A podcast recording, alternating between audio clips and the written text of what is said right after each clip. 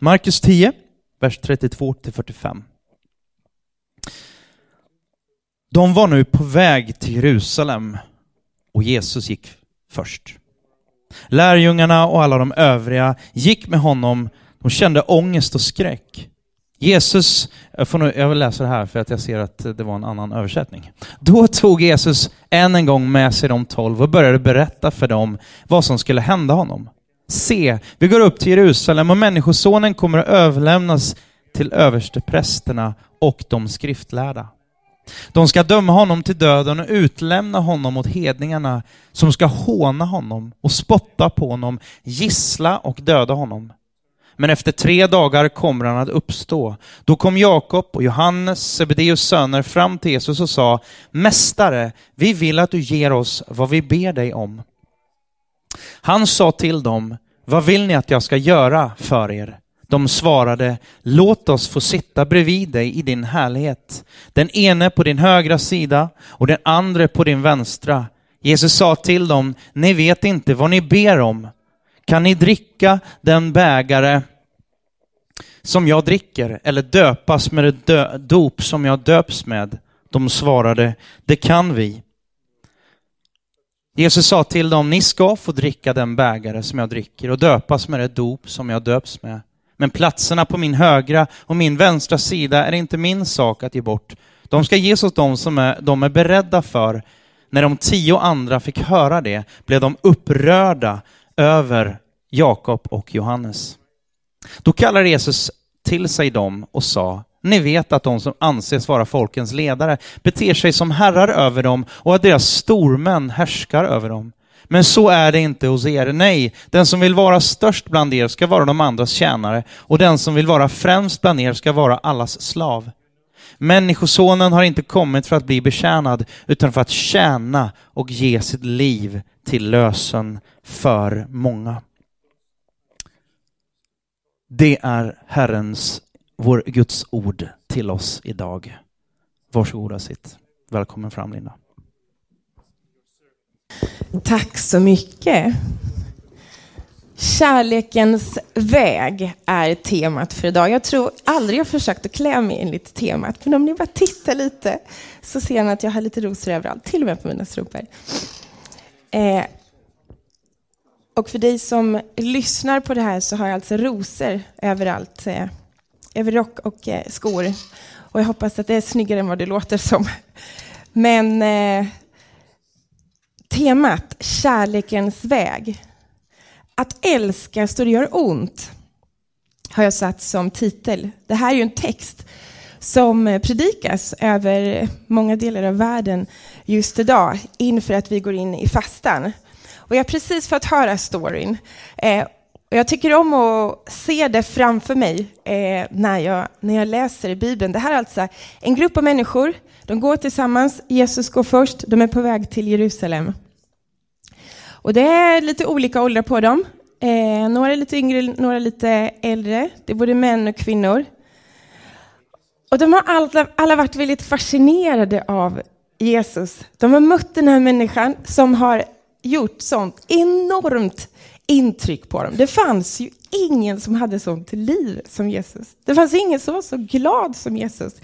När man läser Bibeln och han, han beskrivs, alltså det måste varit väldigt otroligt att möta den här personen. Så de var ju enormt fascinerade och hade börjat följa honom, förmodligen av en hel del olika anledningar. Och nu befinner de sig mot Jerusalem och flera börjar märka att alltså nu är vi på väg, nu går vi en väg som vi inte vill. Plötsligt så var de inte riktigt så bekväma med att följa Jesus. Är du på väg mot Jerusalem? De visste att där väntade döden, för det var det han började prata om. Och just den här texten, det är då han berättar för tredje gången att vad som skulle hända, att han skulle tas till fånga och att han faktiskt skulle dödas. Och Daniel läste, flera av dem var förskräckta och de var fulla av fruktan. Och sen står det också att då tog Jesus de tolv till sig. Och jag som är förälder, jag kan liksom se det framför mig. Han bara, okej, okay, men kom, kom, kom, kom. Okej. Okay. nu tar vi det här liksom en gång till. Och bara berättade för dem vad som skulle hända. Och så berättade de faktiskt om sig själv i tredje personen. Det är något som jag gör ibland med mina barn. Okej, okay, nu ska mamma gå och göra det här. Jag tror inte riktigt det var, det var anledningen, men jag kände igen mig lite eh, där. När han berättade att Människosonen, han kommer överlämnas, han kommer gisslas, han kommer få lida, han kommer få hånas och han kommer dö. Men på tredje dagen så kommer han att uppstå. Men de fattar inte riktigt det här. De begrep sig inte på den väg han hade tagit. De ville inte förstå. Och den första frågan som jag behöver skicka med innan vi fortsätter in i texten, det är hur attraktiv är egentligen den här vägen för dig och mig? Hur attraktiv är kärlekens väg? Vi ska stanna till vid det här lite kärlekens väg. Har ni någon person som ni kommer att tänka på just när man pratar om kärlek och att leva ett liv i kärlek, eller kärlekens väg? Har vi några ikoner omkring oss? Ni får inte nämna er själva eller er eventuella partner. Moder Teresa. Mm. Är det någon annan som vågar sig på något? Ja, men då nöjer vi oss med den. För det är lite speciellt. Det är alltså den typiska ikonen. Hon är hyllad och erkänd av en hel värld för att hon valt kärlekens väg. Hon valde att tjäna andra. Och det verkar ju faktiskt som att hon gick den här samma väg som Jesus. Det var inte det här what's för mig, utan hon valde faktiskt att tjäna andra människor. Och det är någonting som jag tror vi alla vill bli sammankopplade med. Att man ser till andras bästa och tänker på andra och så. Men alltså hur många är i grund och botten egentligen intresserade av att leva ett liv som Moder Teresa gjorde? För det liv som hon, den här lilla tjejen Agnes började staka ut när hon var liten, alltså det var ju inte enkelt. Det kanske såg ganska enkelt ut till en början. Men eh, i de områden som hon befann sig i var, var en sån sak som alla farliga dödliga sjukdomar som hon utsatte sig för, som hon kunde bli smittad av och dö av. Hon bara gick rakt in. Hon kallades ju för slummens helgon. Hon rörde sig under många år i områden som du och jag fått lära oss att de ska vi undvika om vi vill överleva till nästa dag. Hon levde ju ett liv där hon ständigt tog risker och vi kan bara, men, det är så fint kärlekens väg. Men hon var allt annat än en slätstruken människa. Och det var lite intressant, jag, jag läste om när hon hade varit på Harvard University och mött eh, de amerikanska studenterna där, så hade hon börjat så här. Hon ställde sig vid micken. Så där såg det väl ut ungefär, som ni ser bakom mig. På ett väldigt enkelt sätt. Och så sa hon, i understand that there are lots of you students here that are doing things that are displeasing God. You're harming yourself and offending God. And some of you are drinking lots of alcohol and are taking drugs. And some of you are engaged in sexual sins of many sorts. I have a message for you from God. Repent and turn away from what you are doing. Vad tror ni hände?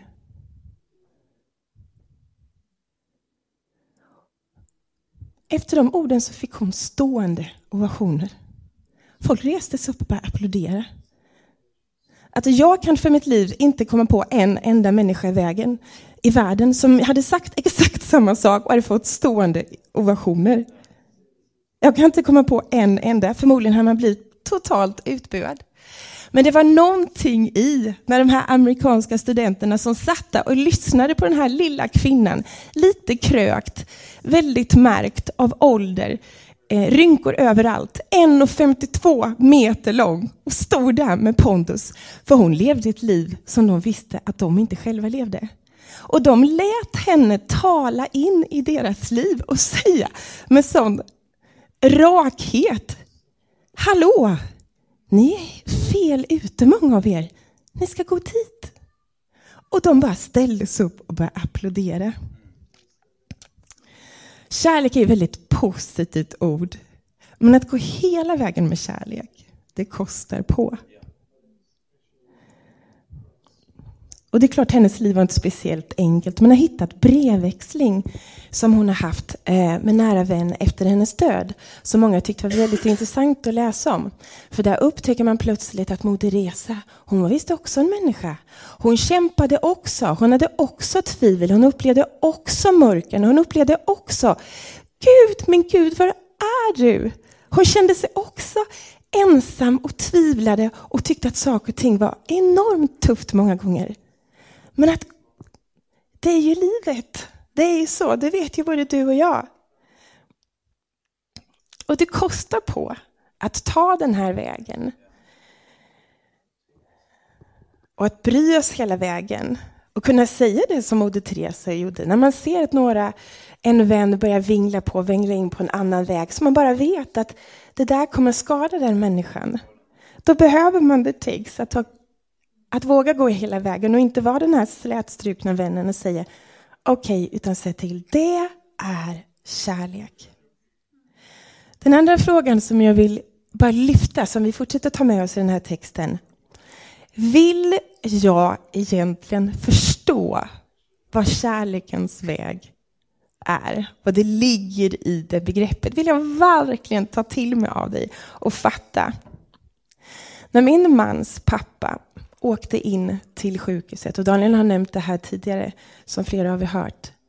Då hade han haft smärtor under en lång tid. Han hade väntat med att ta sig till sjukhuset och få hjälp.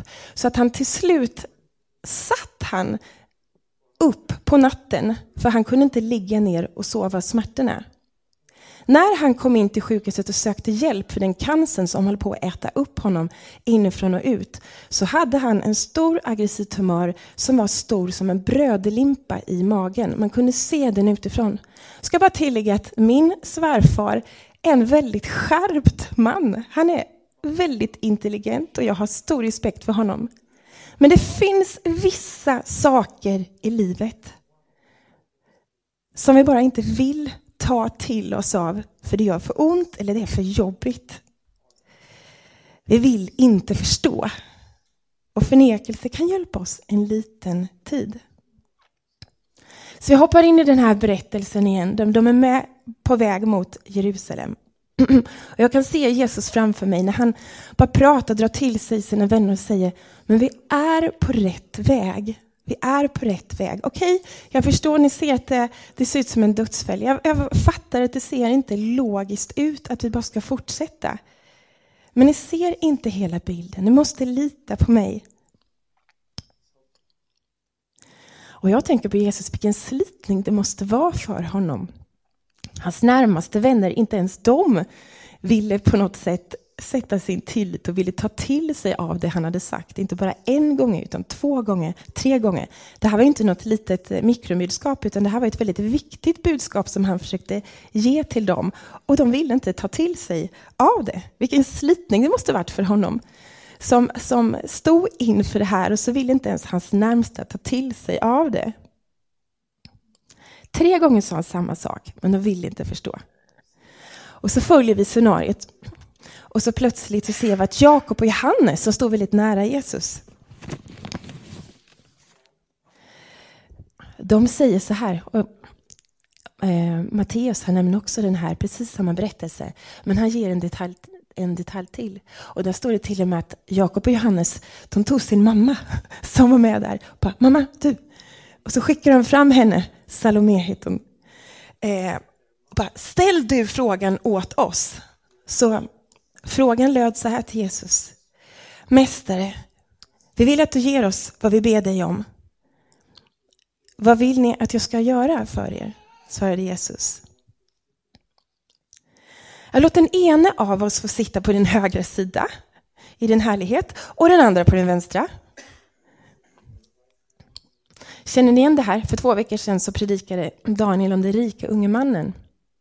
Och det var just det här scenariot, då hade Salome och Jakob och Johannes varit med. De hade lyssnat till det här när han berättade om det här. Han pratade om, eh, om vad, vad som skulle hända. Det hade väl eh, de snappat upp och de tänkte om, vi måste bara veta vad som ska hända för, med oss. What's in it for me? precis fel fråga vid fel tillfälle. Jesus har precis berättat att han ska dö. Och det fyndigaste de kan komma på är att eh, du, sen när du återvänder där i din härlighet, eh, kan inte vi få främsta positionerna då? Alltså vilken slitning det måste ha varit för Jesus. Okej, okay, ni har inte fattat ett dugg vad jag har försökt att berätta för er. Kärlekens väg, okej, okay, ni måste lita på mig. Matteus som berättar den här historien parallellt, jag tycker han summerade väldigt bra. Han, han säger så här, eh, att Jesus summerade, okej okay, Jakob och Johannes, ni vet hur det funkar i den här världen. Men så är det inte bland er. Den som vill vara stor bland er ska vara den andres tjänare. Och den som vill vara den absolut första, alltså den främste, han ska vara den andres slav. Det är bara så typiskt Jesus att bara tala tvärtomspråk hela tiden. Den som vill vara stor bland er ska vara den andra tjänare och den som vill vara den främste, den första, den ska vara den andres slav. Alltså han tar i. Men det blir så tydligt hur Jesus väger bara helt tvärtom. Och det här ordet tjänare, greka, grekiskans diakonos, vi känner igen det från när vi diakon talar om. Just det här ordet eh, diakonos, det hade inte alls något eh, religiöst förknippelse så, utan det brukade man använda för att eh, eh för att beteckna en tjänare typ, som har ett, väldigt, alltså ett, ett, enklare jobb, ett okvalificerat arbete som man brukar säga. Eh, hemhjälp eller att man hjälpte till med städ eller något liknande. Någonting som inte behövde, eh, som, väldigt, alltså, som syftade på ett lågbetalt, enkelt jobb. Det det ordet väljer Jesus att använda när han ska beskriva att, att det bästa, det största, det främsta du kan göra, det är att du har den här attityden. Att du har den här livsapproachen när du möter människor. Det... Så varför fortsätter Jesus att tala om det här om och om igen? Att bli stor i hans rike, det innebär faktiskt att lida, att göra uppoffringar för andra. Ja, det är ju för att vi vill inte förstå det här. Det är inget trevligt budskap. John Stott, eh, väldigt erkänd eh, eh, teolog, eh, pastor, han har sagt så här, och nu blir det på engelska, especially for you guys. The place of suffering in service and of passion in mission is hardly ever taught today. But the greatest single secret of evangelistic or missionary effectiveness is a willingness to suffer and die. It may be a death to popularity, by faithfully preaching the unpopular biblical gospel, or to pride by the use of modest methods in reliance on the Holy Spirit, or to racial, racial and national prejudice by identification with another culture, or to material comfort by adopting a simple lifestyle.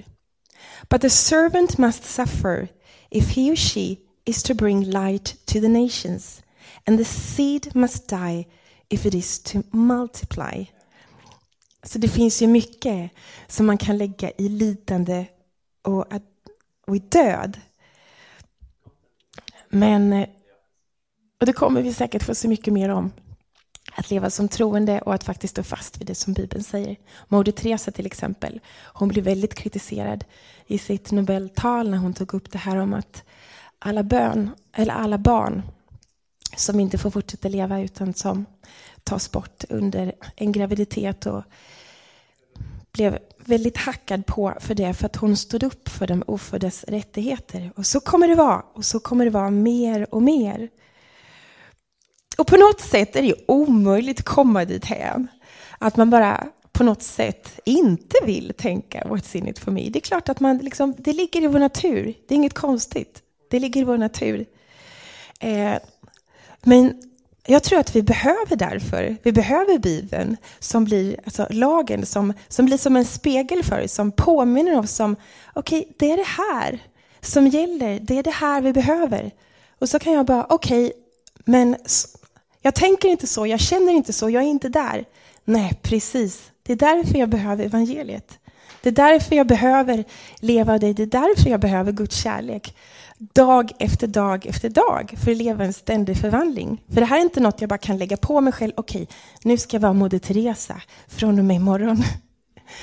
Eh, det är en ständig, på något sätt, eh, förändring som kan hända, som kan ske i oss.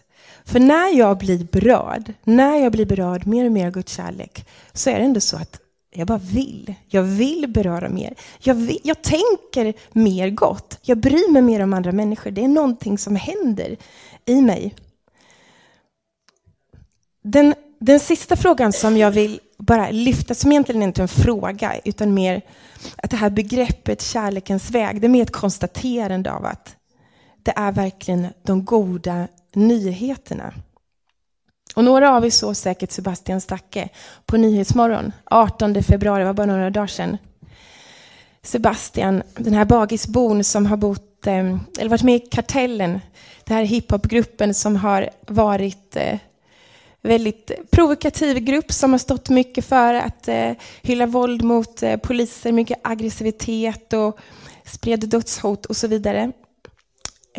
Och när han var på när han var på Nyhetsmorgon så berättade han om att jag vill säga förlåt till alla de som jag har skapat. Och man kunde se en väldigt stor skillnad. Han var där 2013 och mötte eh, Jesper där i soffan. Och Jesper sa, ja det har verkligen hänt mycket sen du satt här sist.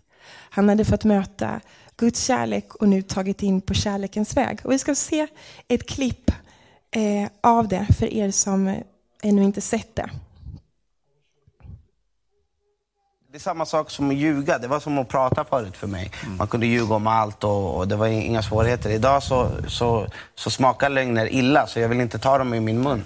Men alltså, kan man, alltså, du har ju mött Jesus och Gud ja. nu. Eh, känner du att man kan bli förlåten? Jag menar, du har ju begått brott. Du har ju mordhotat ja. Jimmy Åkesson till exempel och blivit dömd för det. Och jag vet inte allt vad du har gjort så att ja. säga, men du har gjort, begått många brott och skadat många. Känner du att, att man kan bli förlåten för de sakerna? I Bibeln så står det att alla har syndat och saknar härligheten från Gud. Så står det i Bibeln. Så ja, Gud kategoriserar inte direkt synder. Så det står på de här budorden, har du ljugit? Har du ljugit någon gång Jesper? Självklart. Ja, och då är, betyder det att då är du lika mycket syndare som, som, som nästa man. Så det står att alla har syndat och saknar härligheten från Gud. Så att, men det finns förlåten, förlåtelse. För Gud skickade Jesus till världen för att ge oss förlåtelse. För det var ingen som kunde hålla de här budorden. Vad man än gör då?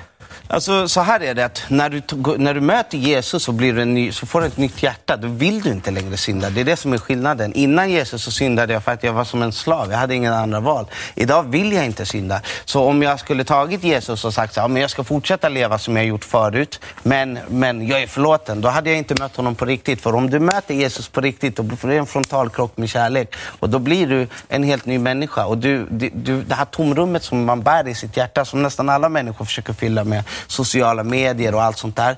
Jesus kan fylla det tomrummet för han älskar oss. En frontal krock med kärleken. Ja, det kunde man inte sagt bättre själv. Så bra. Och när vi möter kärleken så händer det ju något med oss. Sebastian, hans barn fick en ny pappa och hans fru fick en helt ny man och hans föräldrar fick tillbaka sin son för att han hade fått en frontal krock med kärleken. Och plötsligt så är saker och ting lite upp och ner i hans liv, eller snarare det har vänts. Det har vänts åt rätt håll. Och nu, ser han, nu reser han runt och han träffar unga människor och pratar med dem om kärlekens eh, budskap. Och han vill hjälpa en, en människa som tidigare krävde väldigt mycket. Han gjorde anspråk på saker och ting. Han tyckte att han hade rätt att vara arg. Han hade rätt att välja ut sig hat för allt som han hade gått igenom som liten. Jag vill i slutet så här skicka med tre praktiska uppmaningar som vi kan ha med oss. Jag tycker om att det är bra att landa lite praktiskt. Vi har tittat på eh, två frågor. till en början när jag ställde frågan, vill jag förstå vad som är kärlekens väg? Mm. Vill jag verkligen det? Eh, och jag ställde också frågan, hur attraktiv är det här för oss egentligen? För om det inte är attraktivt för oss, om vi inte vill, om vi är ointresserade, kommer vi aldrig gå i den riktningen. Och jag har landat nu i kärlekens väg, de goda nyheterna. Så tre praktiska uppmaningar som jag faktiskt hämtar ifrån Moder Teresas Nobeltal. Som hon höll för nästan 40 år sedan inför en hel värld. Och den här kvinnan är inte speciellt, eller var inte speciellt eh, slätstruken. Och de tre tipsen som jag vill skicka med till oss idag från hennes tal är för det första, älska så att det gör ont. För det andra, börja där du är. Och för det tredje, det är saligt att ge. Och jag kommer läsa lite, för jag tycker hon säger det så bra själv. Så jag kommer använda hennes ord ifrån det här talet. För det första, älska så att det gör ont.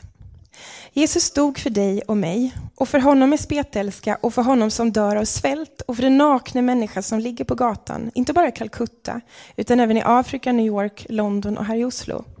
Och Jesus insisterar på att vi ska älska varandra så som han älskar var och en av oss. Och om vi läser det i Bibeln klart och tydligt, hur mycket vi än älskar varandra, så måste vi också ge oss till varandra tills det gör ont. Det räcker inte med att säga, ja, men jag älskar Gud, men jag har problem med, med den där som är min nästa. Hur kan man älska Gud som man inte ser? Om man inte älskar sin nästa som man kan se, som man kan röra vid och som man kan leva tillsammans med. Så det är väldigt viktigt för oss att förstå att kärlek, för att vara äkta, så måste den göra ont.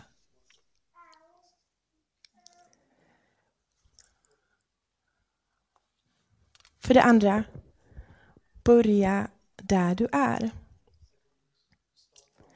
Vi kan dela detta folkets lidande, inte bara i fattiga länder, sa hon när hon stod där i Oslo.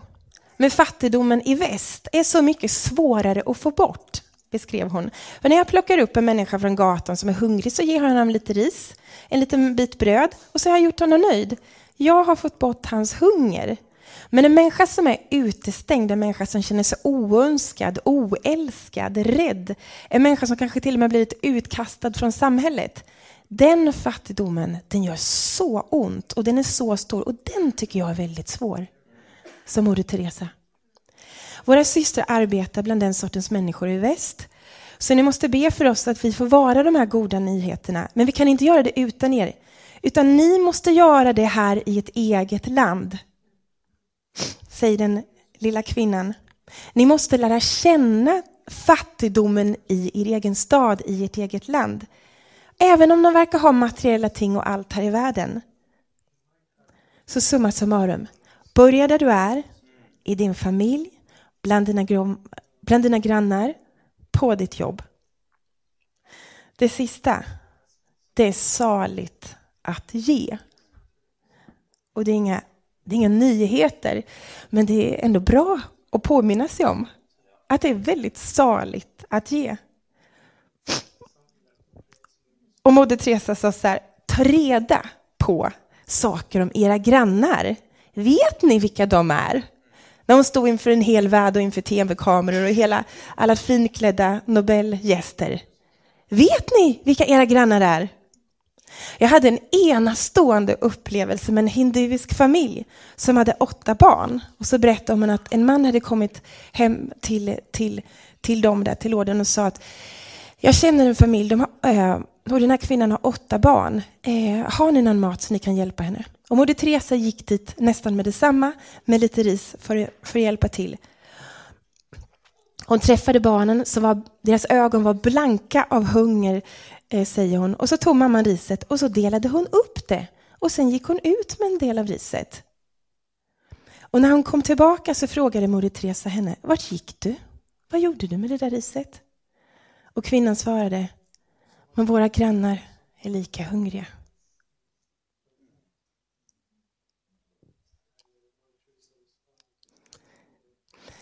Och, och moder Teresa säger, det som slog mig var mest var att hon visste. Hon hade fullt upp med sina egna behov. De hade hunger så hennes egna barn, deras ögon var blanka av hunger. Hon hade åtta barn. Vad mannen var, det säger inte storyn. Men ändå kände hon mycket, hade hon full koll på att den muslimska familjen precis intill, de hade det precis lika illa. Hon hade full koll på deras behov också. Och hade inte fullt upp med sig själv bara för att de var i extrem nöd. Moder Teresa säger, jag tog inte med mig mer ris den kvällen. Men hon kom säkert tillbaka kvällen därpå. För jag ville att de skulle få fortsätta njuta av sin glädje av att dela med sig. Här var dessa barn som nu utstrålade lycka och delade glädjen sin mamma att fast de var fattiga så kunde de få vara med och ge.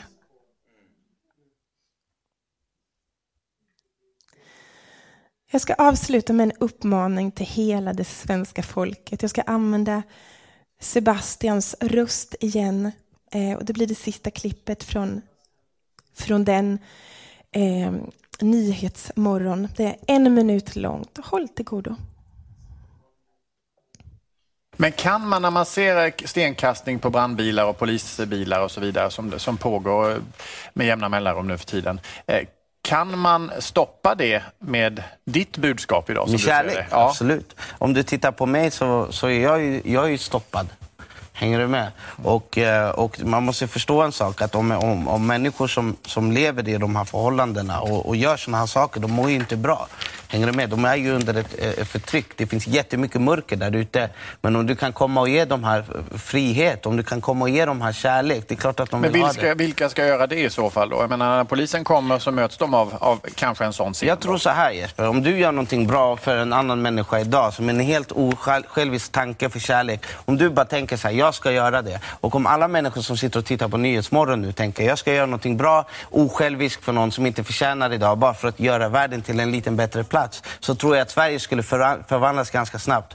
För att kärleken kan förändra allting. Mm.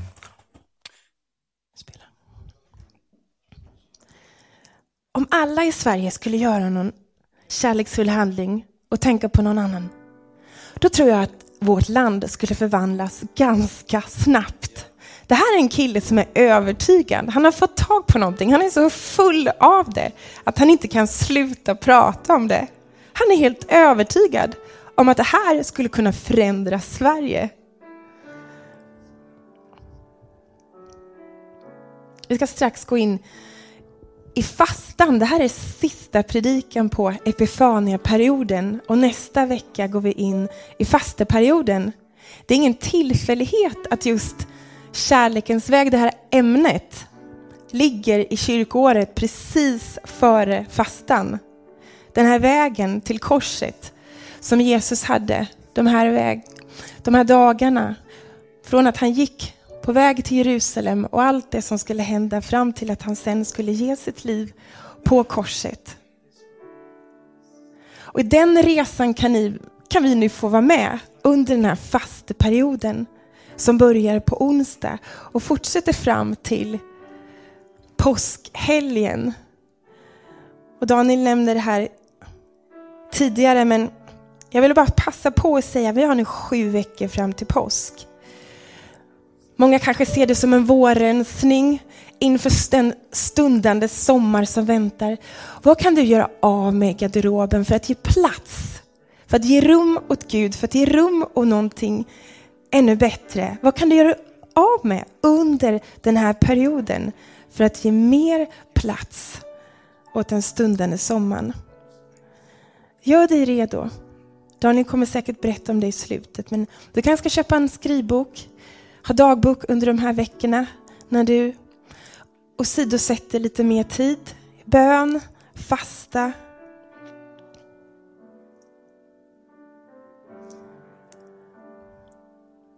Ja, en viktig period. Herre, hjälp mitt hjärta att växa.